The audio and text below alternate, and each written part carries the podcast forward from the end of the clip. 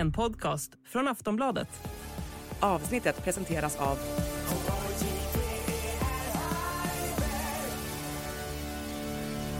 Stödlinjen.se, åldersgräns 18 år. Hej och välkommen till Höjd beredskap, en podd från Aftonbladet Ledare. Idag träffar vi Tommy Åkesson, huvudsekreterare i försvarsberedningen och pratar om den nya rapporten som kom i veckan, Kraftsamling. Välkommen! Vår beredskap är god.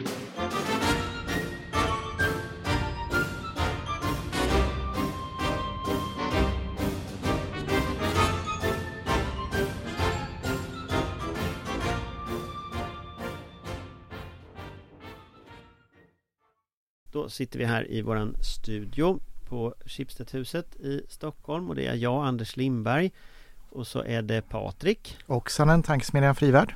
Johan Viktorin, VD-intyg. och från Skåne, ett soligt Skåne, Amanda. Ett eh, regnigt och blåsigt Skåne med annalkande storm. Amanda Wollstad, Svensk Tidskrift. Ja, och med oss idag så har vi Tommy Åkesson, eh, huvudsekreterare i försvarsberedningen. Välkommen!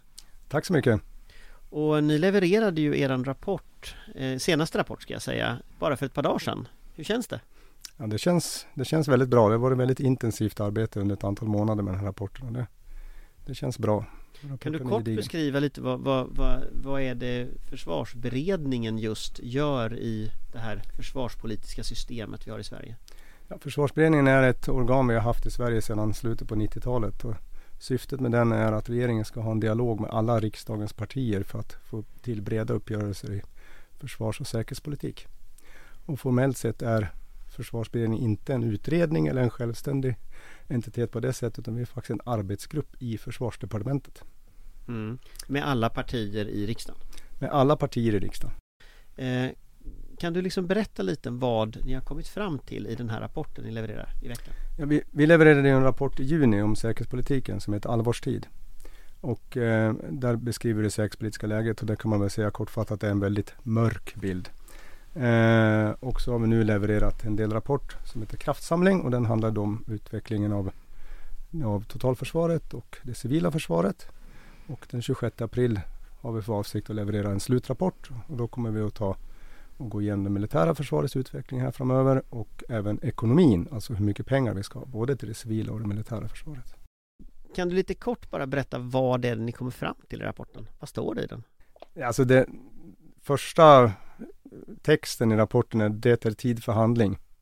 Och det utmärker ganska mycket av den här rapporten. Rapporten är ju inte bara en rapport med förslag om hur man ska utveckla totalförsvaret och civila försvaret i de olika delar. Utan det är också lite av en läsebok har vi valt att göra en till där man kan läsa in hur vårt beredskapssystem är tänkt att fungera i höjd beredskap och krig. Då. Så den är en, en ganska tjock lunta, 347 sidor. Men- Men det är inte bara förslag utan det är också mer pedagogiska saker där man kan gå in. Och vi beskriver då utvecklingen inom en, nästan alla samhällssektorer.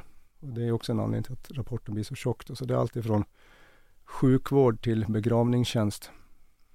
Om man- ska göra en liten sån exposé, hur- hur är läget i det civila försvaret skulle du säga just nu? Är vår beredskap god? Vi drog igång arbetet med det civila försvaret i Sverige 2015. Jag måste säga att det var lite av en slow start. När vi nu sitter eh, åtta år senare och tittar på läget i, i det civila försvaret så ser vi att det är många som har börjat tänka men det har inte kommit så långt i handling överallt. Utan det, det, det måste bli mer konkreta saker och det är ju konkret planläggning men även konkreta åtgärder såsom ja, viss lagerhållning och förberedelser hur man ska göra med ledningscentraler och så vidare. Det måste till för att det, det brådskar. Vi har inte all tid i världen längre. Och det är politikerna i försvarsberedningen helt på det klara med att, att eh, 2030 är en oändlighet långt bort. Vi måste få effekt långt före det. Jag tänker att, att ni, ni lyfter fram några saker i den här rapporten. En, en sån sak ni lyfter fram är ju Ukraina eh, och erfarenheterna från kriget i Ukraina. Och en sån sak ni lyfter fram är pandemin, pandemihanteringen i Sverige. Vad, vad, vad skulle du säga att vi har lärt oss av pandemihanteringen och Ukraina som vi inte visste förra rapporten som ni hade?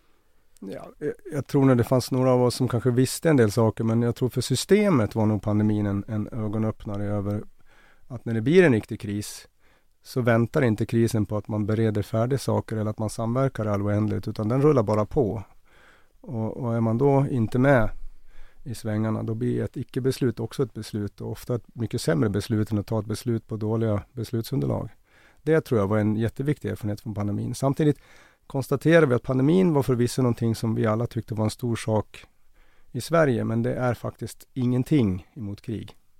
Det var i princip en sektor som drabbades. Eh, sjukdomsutvecklingen jämfört med krigsutveckling gick väldigt sakta. Eh, antalet beslut som hamnar på regeringens bord i den modell man då valde under pandemin eh, kanske man ackumulerade. Det som hände under två veckor under pandemin kommer kanske att hända på 24 timmar i ett krig.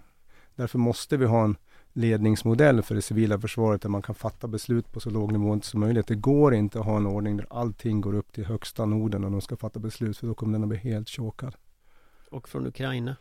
Ja, Ukraina-erfarenheten är ju mycket, tror jag, inte minst för politikerna, det här uppvaknandet att krig handlar fortfarande om ganska brutala saker. Inklusive att civila eh, dödas och dödas avsiktligt dessutom. Eh, och att den militära sidan får faktiskt stora förluster både i materiel men också personal. Vilket är väl något vi har kanske inte velat se tidigare. Så det tror jag är den viktigaste eh, ögonöppnaren. Och att krig fortfarande handlar om territorium. Mm. Uh, inte minst ur ett riskperspektiv. Det tror jag också är en viktig, en viktig erfarenhet. Då. En, en, en, sak som ni betonar väldigt tydligt är ju just det här att, att, att det är så mycket snabbare, så mycket större eh, Att förloppet är så mycket mer oförutsägbart än alla mm. tidigare kriser eh, Vad föreslår ni är lösningen? Hur ska det hanteras av det svenska systemet? Det, det, svenska systemet behöver ju sätta sig ner och fundera på inom respektive verksamhet vad det är för uppgifter man ska lösa i krig och då, då måste man faktiskt kritiskt granska sin verksamhet. Vad är lägsta servicenivå så att säga? Det, det, är den man ska förbereda sig på. Man ska inte gå dit automatiskt men man kan tvingas gå dit. Så att det är inte att upprätthålla all service och all funktionalitet i samhället utan man måste ha någon form av nedtrappning till en lägsta nivå. Det ska vara en redline, lägre än det kan man inte gå. Och det tror jag är en jätteviktig sak. Sen, Gud förbjude om kriget kommer, då måste man vara, vara beredd på att eh, hantera uppkomna situationer. Man får inte bli slav under planerna. För det är en risk att när man har gjort planer så tror man att kriget ska utvecklas enligt planen och det vet vi historiskt sett att så är det ju inte. Men planen, i och med att man har gjort den så har man ju i någon mening sorterat upp sina, sina kort och man vet vilka kort man kan spela. Om man bara går tillbaka till början här, eh, alltså så, så för några år sedan så satt jag på en presskonferens och lyssnade på Björn von Sydow när han presenterade motsvarande rapport eh, från förra försvarsberedningen. Eh, om du skulle, du var ju med även på den tiden Om du skulle säga vad skillnaderna mellan denna rapport är och den, och den dåvarande rapporten Vad skulle du säga är liksom de stora skillnaderna? Vad har Sverige lyckats åstadkomma under de här åren? Jag, jag tror den stora skillnaden är att vi, vi vet mer idag om hur totalförsvaret bör fungera. Vi har lärt oss en hel del och det har gjorts en del saker. Det har ju till exempel eh, fattats en del beslut om nya förordningar och så vidare och lagar. Så att det, det rör sig ju framåt och vi tog avstamp i det. Och nu har vi dessutom en erfarenhet från kriget i Ukraina och delvis från covid som vi kan ta in i det här och faktiskt vidareutveckla det vi gjorde i motståndskraft. Men jag tror motståndskraft faktiskt var ganska instrumentell till att komma igång på allvar med, med idéerna kring civilt försvar. Den här är lite djupare kan man säga. Men har något hänt? Alltså vad skulle om du ska peka på liksom, ja, den, den, det här är de viktiga sakerna som har hänt sedan förra gången vi utredde samma sak. Det, det som hänt var ju det som hände den 24 februari 2022. Det har hänt. Men samtidigt om man läser både motståndskraft och värnkraft och i förra beredningen så var inte det uteslutet av försvarsberedningen. Det kanske var många andra i systemet som inte ville tänka den tanken, men försvarsberedningen tänkte ju tanken. Väpnat angrepp kan inte uteslutas, förpliktar ju. Men jag tänkte, vad har hänt i Sverige? Hur mycket bättre är vår beredskap jämfört med då? Uh, den är bättre, men man ska komma ihåg att vi startar från en väldigt låg nivå. Så att en, en sån sak som vi lyfter fram det är att man måste tänka igenom hur krigsorganisationen ska se ut i olika verksamheter och den är inte samma sak som fredsorganisationen. Att ta senaste lönekörningen på myndighet och skicka in till Pliktverket för krigsplacering, det är inte så man ska göra. Utan man måste tänka igenom vilken verksamhet man faktiskt ska lösa i händelse av, av höjd beredskap och krig. Nu är det ju så här att Anders, han, han, hans tid går så fort så några år är ju faktiskt sex år sedan mm. om vi ska vara lite krass. Eh, det här var i december 2017 och jag var också på den presskonferensen och eh, då pratade ju Björn von Sydow att vi står inför de största samhällsreformerna på årtionden nu när vi ska bygga upp det, det den civila delen av totalförsvaret. Eh, de samhällsreformerna lyser ju fortfarande med sin frånvaro. Jag tror en skillnad nu är att nu, nu upplever jag att regeringen tar det lite seriösare och får någon ordning på det här. Att man inrättat en minister för civilt försvar indikerar på att den här rapporten kanske kommer att få lite mer tyngd i arbetet i regeringskansliet än vad som hände 2017-18 då. Det, det, tror jag kan vara en skillnad att, att vi har kommit fram till det och det erkänner ju alla politiker oavsett partifärg i försvarsberedningen att det är väldigt bra att fått en minister för civilt försvar som kan driva de här frågorna. För det var ingen som riktigt gjorde det innan. Mm. Men lite säger du och, och, samtidigt så har ni ju en fantastiskt tydliga klara formuleringar om, om, om brådskan. Mm. Eh, det, ni skriver bland annat eh, eh, måste öka skyndsamt. Insikten om detta behöver genomsyra alla delar av samhället och vara den främsta drivkraften mm. för utveckling av totalförsvarets samlade förmåga de kommande åren. Eh, och så pratar ni om att eh, eh det här är ju någonting som ett förhållningssätt där en aktör avvaktar åtgärder i väntan på ytterligare resurser eller styrning fördröjer denna mm. utveckling. Uppgifter, regelverk, ansvar och möjligheten att bygga upp en högre totalförsvarsförmåga är till del på plats men det saknas en samhällsplanering, en kultur och ett förhållningssätt hos beslutsfattare i såväl offentlig som privat verksamhet som utgår från de krav ett krig ställer. Det är så vi ser på det, det är så vi ska vara. Vi kan ju inte hota någon till att göra så, men det är så försvarsberedningen och det var även politiken, alla åtta partier väldigt ensamma att göra det här. Och vi vill inte se nu att man tar tag i många av våra förslag och det första man gör är att tillsätta en utredning som är klar om tre år. Utan då är det bättre att börja jobba där man är och göra så gott man kan. Men det kräver ju lite annan attityd och det här är ju en, i den meningen en samhällsreform. Min uppfattning är att mycket i det offentliga idag handlar om att in, inte göra fel. Det är lite för lite som handlar om att göra rätt. Och det är den attityden vi utmanar med den här typen av resonemang. Och det, det är, är nog inte lätt att ändra en offentlig förvaltning till det här. Men det måste till för att det ska gå tillräckligt fort. Jag funderar på om det, hur det känns. Alltså känns det inte lite frustrerande att jag menar det finns ju ingen räddningstjänstbrigad från 2017 som har organiserat sig något liknande. Det, men det är otroligt frustrerande tycker jag. Nu, mm. När jag var med och skrev rapporten 2017 och så tog jag tag i det här nu igen då sex år senare och konstaterade att ja, vi får skriva samma förslag igen. För det har inte hänt någonting. Där, det, det, kommer att kräva ett starkt politiskt ledarskap. Det, det, måste till för att byråkratiska strukturer tycker inte om förändring. Nej, så, är det. så är det. Och då måste man vara väldigt tydlig med från politisk, led, politisk ledning att, på alla nivåer då, att det här ska ske. Oavsett. Sen har jag en liten sån här fundering fast det är kanske lite mer åt det filosofiska hållet. Eh, det ska ju i rapporten eller instruktionen till beredningen så handlar det om att följa de internationella förändringarna. Mm. Och sen är det ju fokus på Europa och närområdet och särskilt Ryssland. Och det vill jag säga att skrivningarna om Ryssland är väldigt, väldigt bra i den här rapporten som pekar ut att vi har byggt allting på helt felaktiga antaganden och mm. bara kört på fast vi har sett att de är felaktiga. Men det jag funderar på är att man ser liksom Kina är väldigt lite med. Iran finns inte med överhuvudtaget. Det finns ingenting som handlar om infiltration, provokation och den typen av krigföring också. Uh, det finns med i rapporten ifrån juni. Det är där vi har skrivit mest om hur de olika aktörerna är vi kan inte repetera allting i den här rapporten, då har blivit 647 sidor. Så att det, det, står, man ska läsa, man, beredningens rapporter nu, den serien vi gör som blir tre stycken, de ska ju läsas som en bok. Mm. Och där skriver vi mycket både om Kina då. Vi hade till och med ett helt kapitel om Kina. Det är första gången någonsin som beredningen har haft. Och beredningens grundsyn är att, om man gör det lite enkelt, vi står i en situation där vi har en ideologisk konflikt mellan totalitära stater, den starkaste av dem är Kina och eh, vad ska vi kalla det, västerländsk demokrati och de som tror på en, en, en världsordning så som vi tycker att den ska vara. Och det är den stora globala utmaningen. Och där är den starka spelaren, den stora spelaren, motståndaren i den meningen, är ju Kina. Och där Ryssland är en, en lite mindre aktör men en nog så aggressiv och farlig aktör, speciellt för oss som bor i Europa. Då. Så det är så vi ser på det. Mm. Amanda? Nej, jag är tillbaks lite på det där på frustrationsgrejen. En del i det här, ett problem i det här som naturligtvis är svårt för försvarsberedningen att lösa, men jag är säker på att ni har resonerat kring det. Det är väl det här med att allas ansvar lätt blir ingens ansvar och ett av problemen när man har försökt driva det här är ju att det finns ju egentligen inga möjligheter till krav eller sanktioner. Vi har kommunalt självbestämmande. Myndigheterna svarar inte riktigt inför varandra. Eh, så dels har vi ett splittrat ansvar men vi har inte heller några möjligheter egentligen att, att kräva förändring eh, annat än vissa politiska mandat som ändå är begränsade.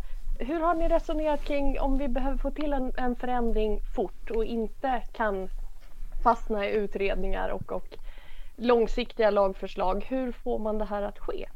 Det, det kan låta väldigt tekniskt men, men en sån sak är att vi, vi, vi har ett kapitel där vi tittar på hur, ja, där man lite slarvigt kan säga ledningsstrukturen för civilt försvar ska se ut i fred och krig. Och där vill jag säga att ledningsstrukturen i fred är annorlunda mot den i krig. Det måste vara så eftersom den i fred handlar om att förbereda, planera i huvudsak.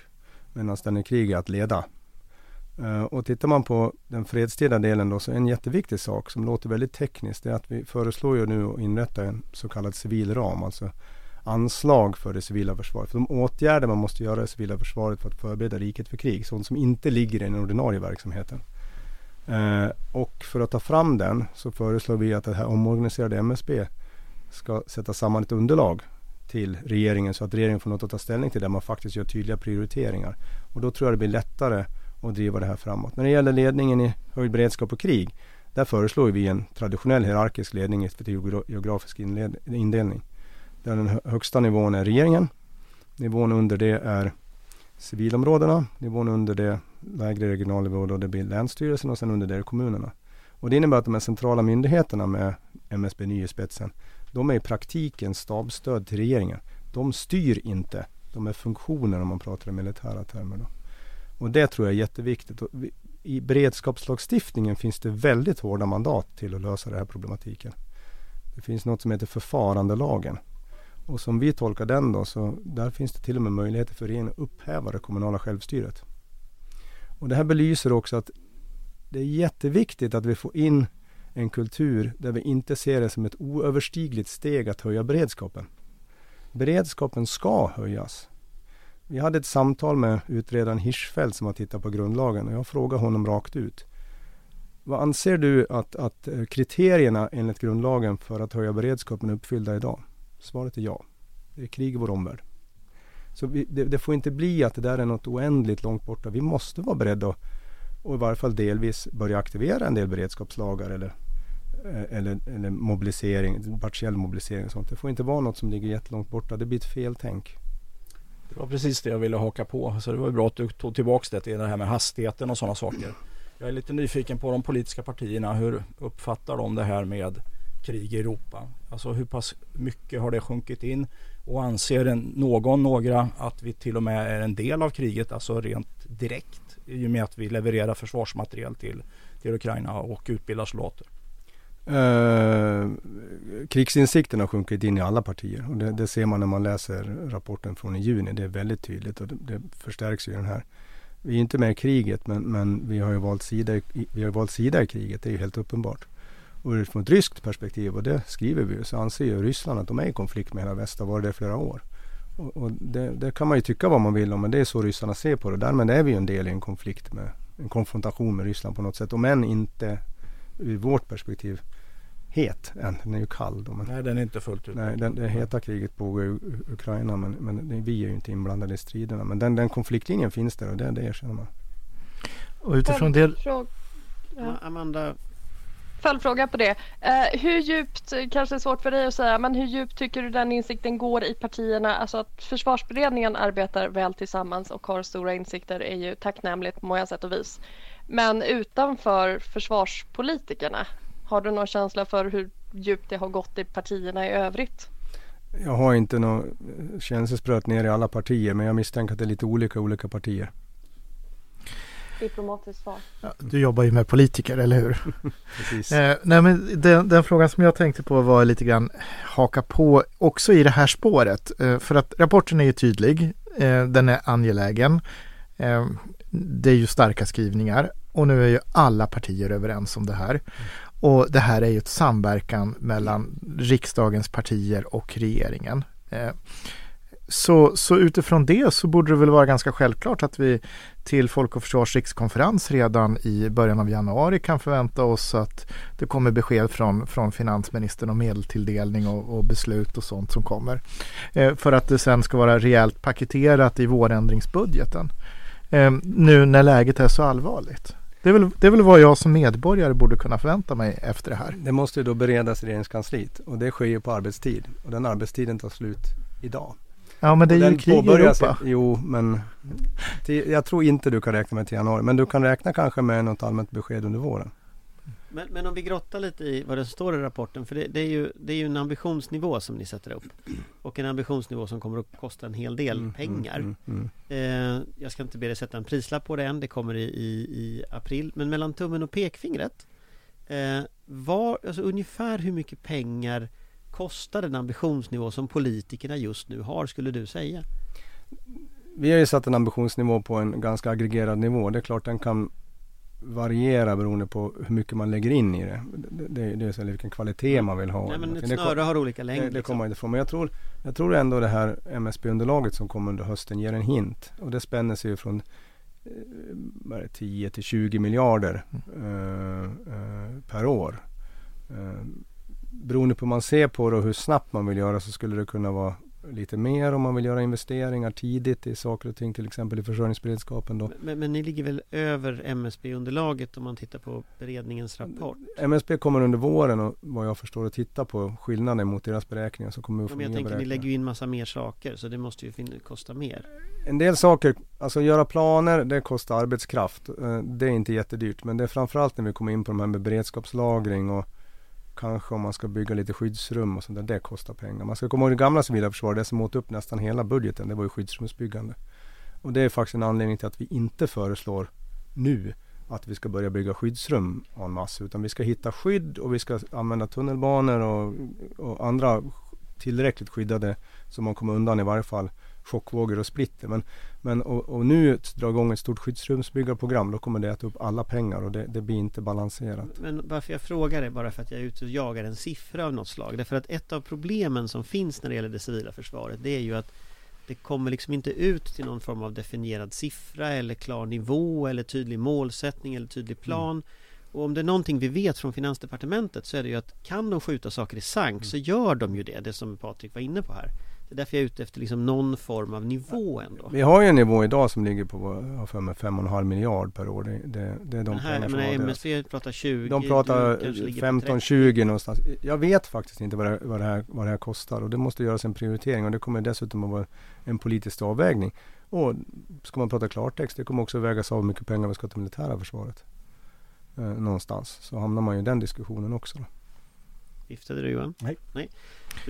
Ja, jag kan vifta istället. viftar, ja. Ja, och sen är det ju också då frågan då om man lägger in eh, infrastrukturinvesteringar som till exempel NATO-medlemskapet då eh, skulle kunna behöva som till exempel de öst-västliga förbindelserna så också. Då blir det ju en annan, en annan siffra på det hela. Jag, jag, tror, jag tror när det gäller NATO-investeringar ska man vara lite, jag ser det finns en del utspel från lokalpolitiker, de har massa förväntningar på NATO. NATOs, NATO bidrar ju till investeringar som infrastruktur som NATO anser viktigt. Det ska ju då matcha helt mot den militära planläggningen.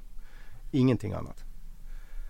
Och det kan vara då att man bestämmer sig att på en flygplats där ska man gruppera två, tre, fyra divisioner och de ska kunna operera från den flygbasen ett antal veckor. Därför bygger man en, en, en flygbränslecistern eller två och smäller upp med så mycket flygbränsle som krävs för den operationstiden. Jag är inte så säker på att kommunalpolitikerna kommer att tycka det är jätteroligt att få de här potentiellt miljöfarliga anläggningarna på sina områden. För det, Patrik, Patrik menar mer järnväg från Jo, jo, men det är om NATO anser det är viktigt. Vi, vi måste komma ihåg att Rumänien, Slovakien, eh, Bulgarien är också med i NATO. Så vad de har för krav på standarden på järnvägen, det kan vi ju fundera på.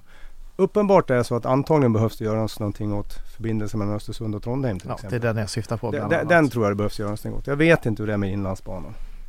Det kan vara en del flygbaser det behöver kompletteringsinvesteras i. Det, det, det, det tror jag.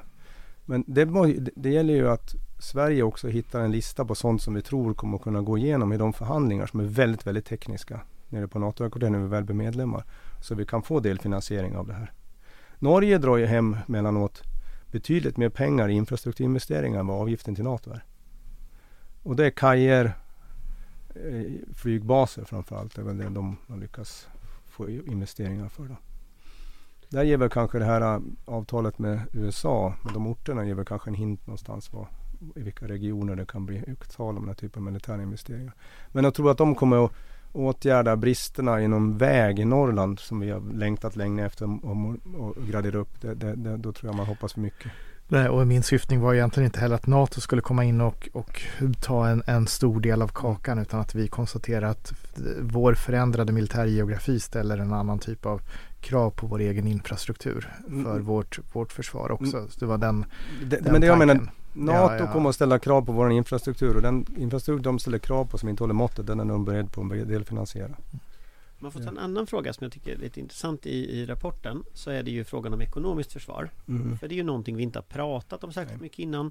Eh, Sverige hade fram till 1986 någonting som heter Överstyrelsen för ekonomiskt mm. försvar. Eh, som från, från liksom vänsterperspektiv så känns det ganska tryggt och trevligt mm. eh, att ha en sån struktur.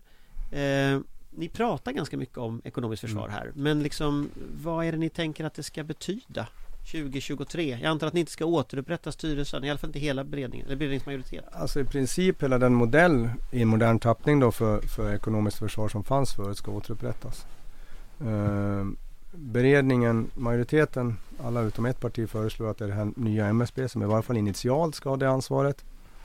Eh, medan Socialdemokraterna vill att det ska bilda en egen myndighet på en gång. Men, ja, det är, den övriga, sa, den, Överstyrelsen för ekonomiskt försvar ja, kommer tillbaka. Och, och, och, men alltså övriga beredningen säger att vi börjar med det i den här omstrukturerade MSB och sen, och sen får vi se om vi gör det till en egen myndighet. Men det, men det är ett, det är ett samhällsekonomiskt försvar så det är upprätthålla samhällsekonomin och det är mycket mer än försörjningsfrågor. Det handlar om export och import. Vi måste tjäna pengar i ekonomin.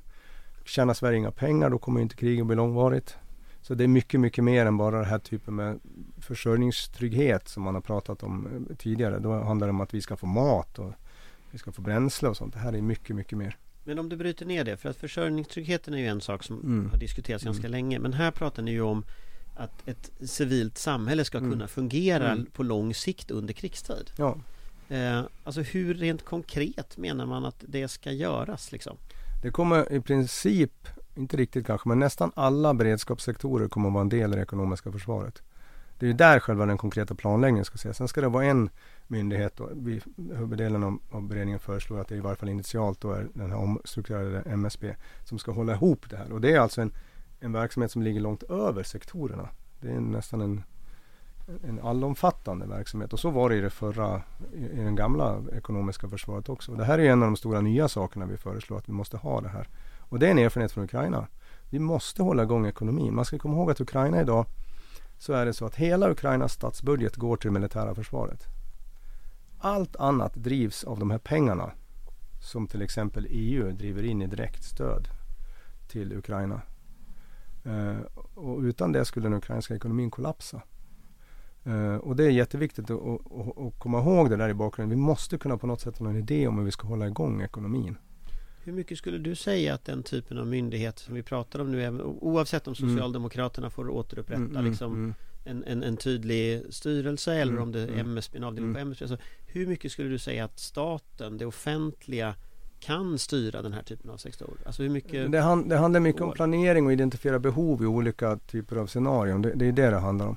Ledningen, när kriget väl kommer, Eh, den ska ju inte vara den här myndigheten som gör utan det ska vara, föreslår vi, en försörjningskommission.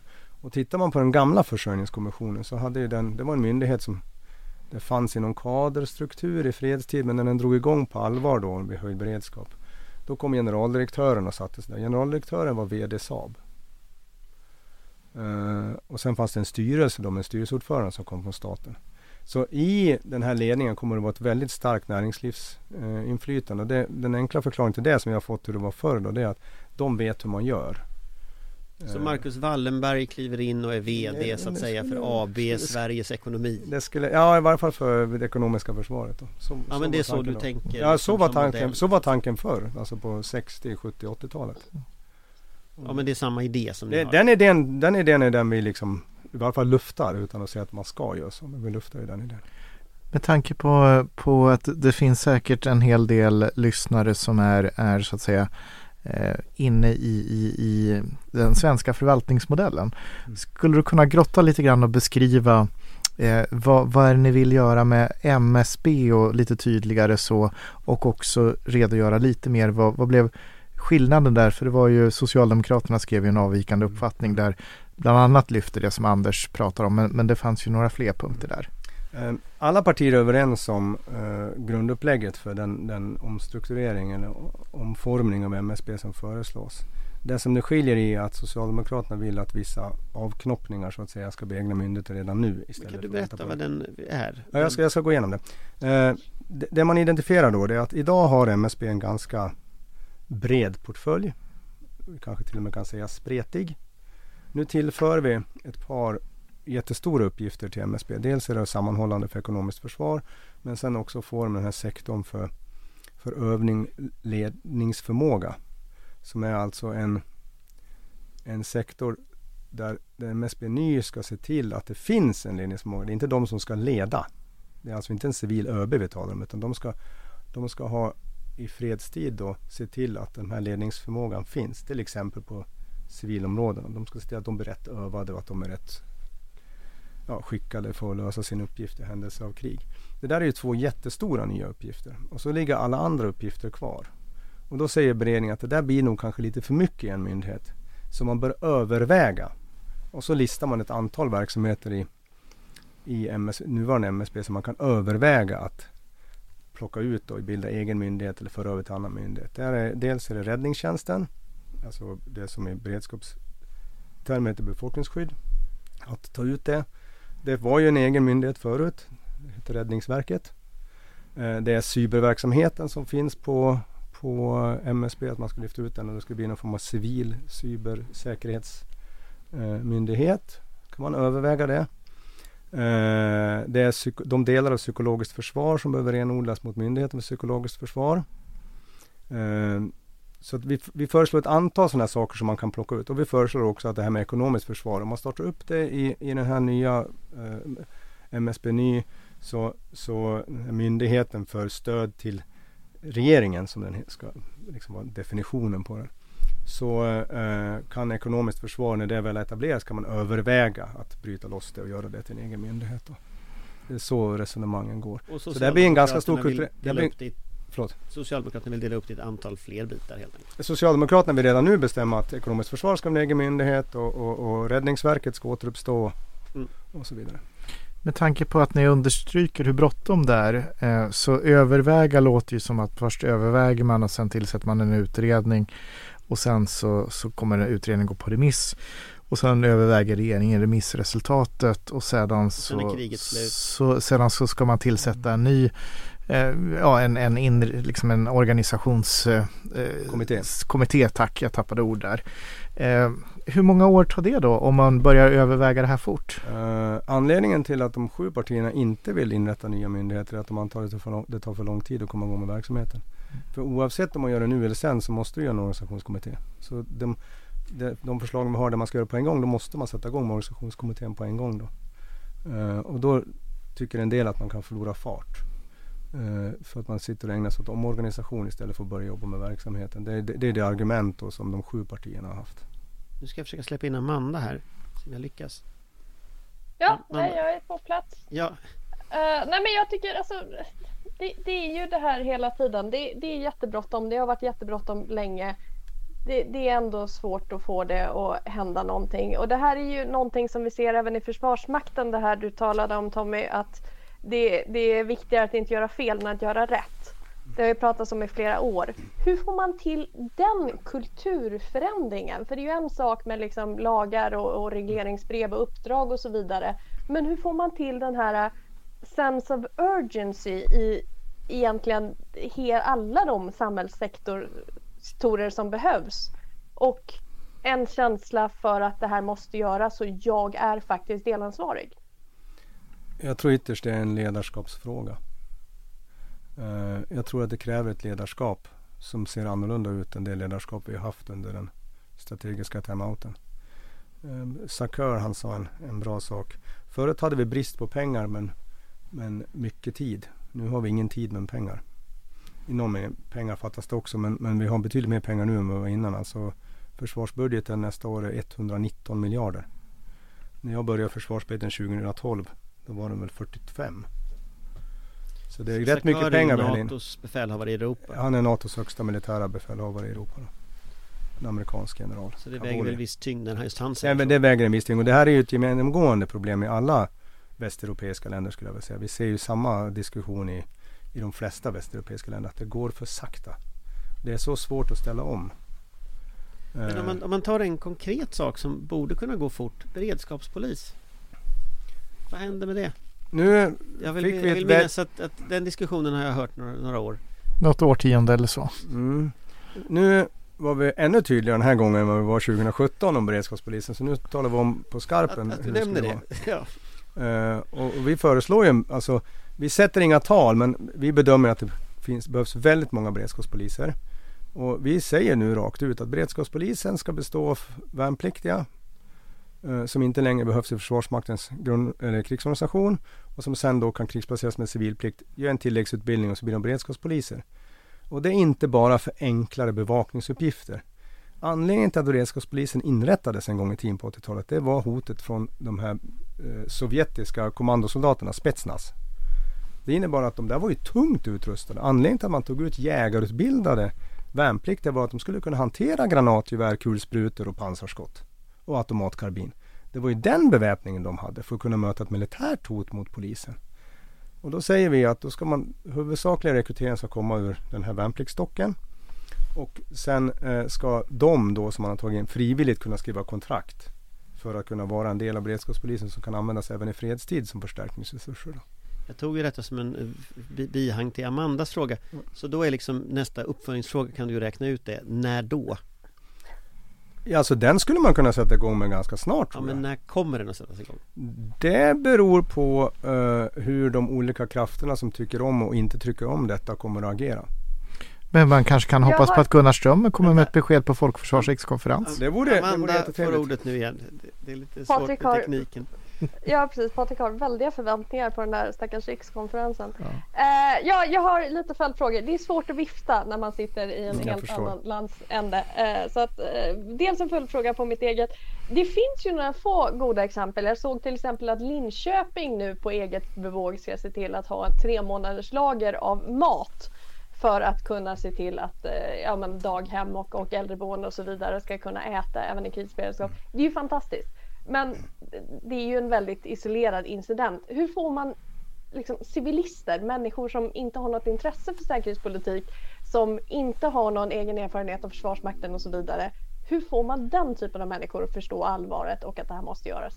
För tror det- ledarskapsfråga, ja, men vem ska ta den ledningen? Dels är det ju så att en sak vi har, vi har verkligen uppmärksammat i rapporten det är ju försvarsviljan och försvarsviljan bygger vi ju fred. Eh, psykologiskt försvar i Sverige idag blir väldigt fokuserat på att, motverka påverkanskampanjer.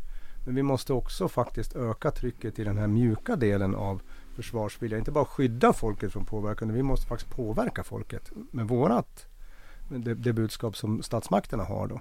Och det är ju faktiskt att, att, att bygga försvarsvilja. Och en del i det är ju att informera om den här typen av bit, eh, delar. Vi, vi skriver rakt ut att det behöver komma en ny sån här om krisen eller kriget kommer. Den kanske borde heta om kriget kommer. Den här gången. Och den kanske ska vara lite matnyttigare. Eh, och lite mer rakt på vad som faktiskt krävs av När individer. kriget kommer. När kriget kommer. Hanna. Ja, men jag, har, jag har hört folk som har Ja. sagt det. Att Nej, men alltså det- det- vill jag- man nå, nå igenom bruset Det, så det var kanske man bara ska till formulera hälften sig. ett skämt. Ja, ska jag vet, jag vet, Det jag, var vet. inte- jag höll på att säga så själv också. Mm. Nej men det, det, tror jag, det tror jag är en jätteviktig sak för en. Sen måste de här sektorsansvariga myndigheterna faktiskt trycka på. För att det är jättekul att kommuner gör egna initiativ. Men om alla kommuner är olika och så upptäcker vissa att Åh, vi har ju lagrat torrmat som bara har en hållbarhet på två år. Eller tre år. Och så måste de köpa allting igen om tre år. Då kanske man måste fundera på vad det är för typ av mat. Det kanske är konserver, det kanske är faktiskt bättre än, än, än sån här frystorkat. Amanda. Det har ju i varje fall Försvarsmakten insett. Ja, jag vet faktiskt inte vad det var för typ av mat. Jag blev bara glad över att någon överhuvudtaget tänkte Ja. tanken. Eh, jag har också en följdfråga om beredskapspolisen. Eh, du talar om att det ska placeras värnpliktiga som inte längre behövs i Försvarsmakten. Vi har ju, det, det är ju en, en minskande skara. Nu, nu ökar de i och för sig igen, men inte i några större numär. Man har ju också ett ganska stort problem skulle jag misstänka med att människor som jobbar till exempel inom sjukvården och räddningstjänsten också kanske är ganska benägna att vara aktiva i hemvärnet eller ha ett värnpliktsbakgrund och så vidare. Att man har problem med att folk är, är nödvändiga i alla sina roller. Hur ska man kunna säkra den mängd människor som behövs på alla de här placeringarna, både militärt och, och civilt? Det måste ju till en ganska stor utbildningsinsats och eh, satsning även på människor som inte är i värnpliktsåldern. Till att börja med, hela vårt system bygger egentligen på, det tror jag inte var riktigt utskrivet, för det tog man för givet när systemet byggdes upp efter andra världskriget. De som är utbildade att bära vapen ska bära vapen. Det är grundprincipen. Därför blir det fel när man kör in hela lönelistan från en region och krigsplacerar så säger man att du måste sluta i hemvärnet för att, för att du är nu krigsplacerad med din anställning. Det, så kan man inte göra utan det går faktiskt hemvärnet före att man råkar vara IT-tekniker på regionen. Det måste vara så. Någonstans måste personalen tas och det militära försvaret går före. Sen kan det vara vissa nyckelbefattningar. Ja, då måste man göra en avvägning om man gör mest nytta för totalförsvaret. Så står det i lagen och då ska, de, då ska ju de, de två berörda instanserna komma överens om det. Eh, så, så det är liksom grund, grundprincipen då. För att skulle vi bara att man bara får ta den folk man har och så struntar man i vad de har för liksom militär utbildning till exempel. Eller för den delen civilpliktsutbildning. Då skjuter vi ju hela frivilligrörelsen, vi skjuter hela värnplikten i sank. Om man gör så. Det, det, det blir väldigt, väldigt fel då. Och det kommer att vara så i många verksamheter. Man kommer att få hål. Och det man ska göra då för att veta vilka hål man får det är att man kan, man kan gå till Pliktverket och kolla upp sin personal och kolla vilka som har en krigsplacering så man bara får veta om vilka som kommer att lämna om de nu inte har berättat det. Men hur hanterar man det då? För om vi, sjukvården och eh, räddningstjänsten redan idag i princip är underdimensionerad för civil verksamhet. Eh, och sen så försvinner en del personal in i det militära vid ett beredskapsläge. Vad fyller man på? De här, det måste ju i så fall de, de som kommer krigsplaceras där måste ju utbildas någonstans. Det, det, det kommer antagligen med civilplikt, eller vi föreslår att det ska grundutbildas med civilplikt bland annat personal till räddningstjänsterna. Och till och med så att vi ska ha en statlig förstärkningsresurs på högre regional nivå, alltså på de här civilområdesstaberna. De ska ha en statlig förstärkningsresurs som kanske motsvarar några stycken vanliga räddningstjänster. Då. Och de kan skickas in där det behövs mer resurser då och underställas en, en vanlig räddningstjänst. För även om en räddningstjänst har två eller tre vakanser så spelar det ingen roll när det, när det blir riktigt illa för då, även om de hade varit fulltaliga så räcker de i alla fall inte till. Utan det, det måste finnas förstärkningsresurser. Så sen är det så. Totalförsvar i krig handlar om att prioritera mellan allt för bristfälliga resurser. Det är det hela totalförsvaret handlar Ledning i totalförsvar handlar hela tiden om att avvägningar mellan bristfälliga resurser. Både militärt och civilt försvar kommer att vara på det viset. Och så ska vi komma ihåg att målsättningen för prioriteringarna är annorlunda än i fredstid. Exakt. Och ambitionen vad det är för servicenivå eller hur, hur, vilken mat man ska få är ju lägre, betydligt lägre.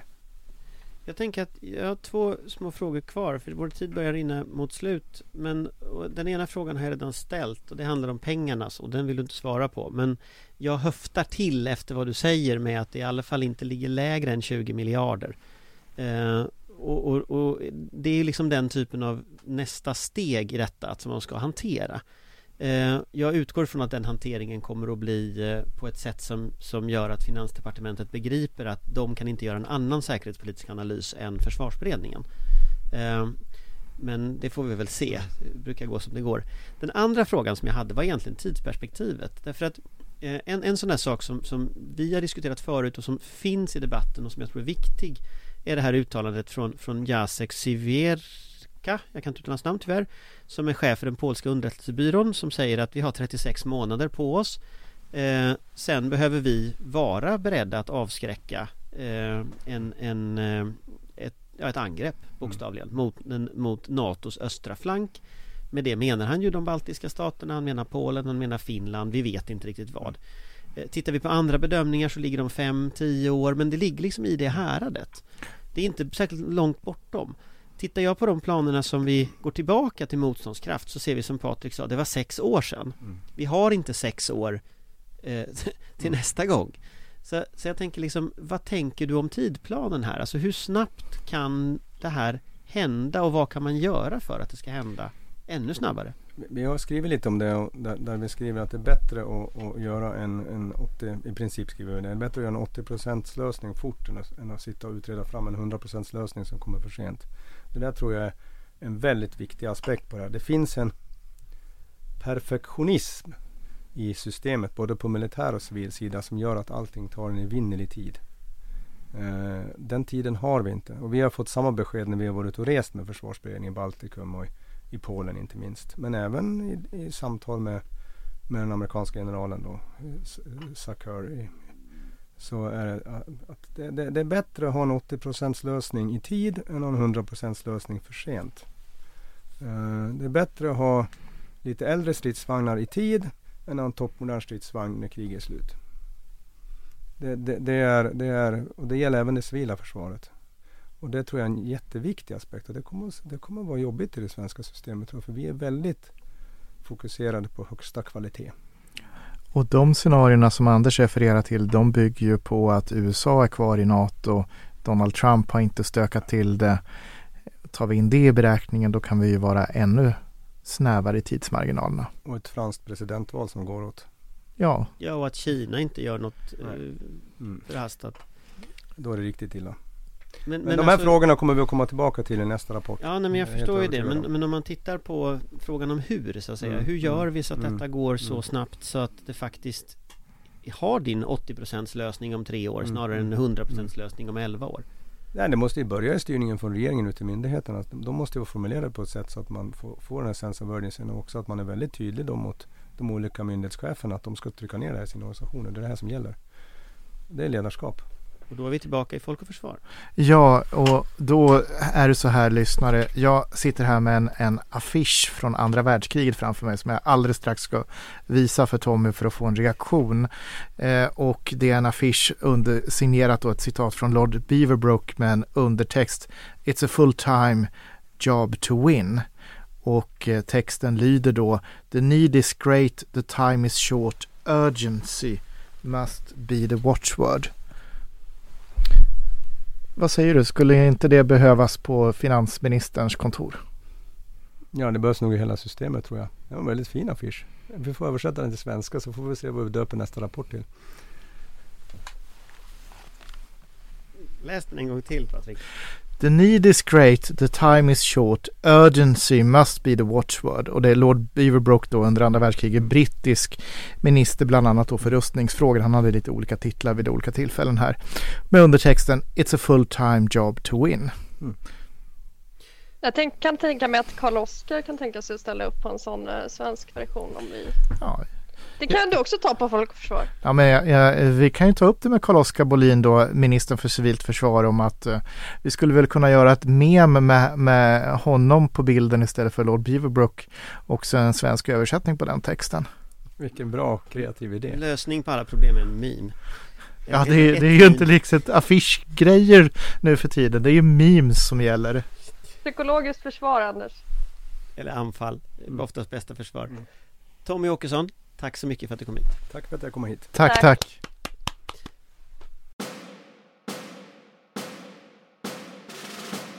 Vår beredskap är god.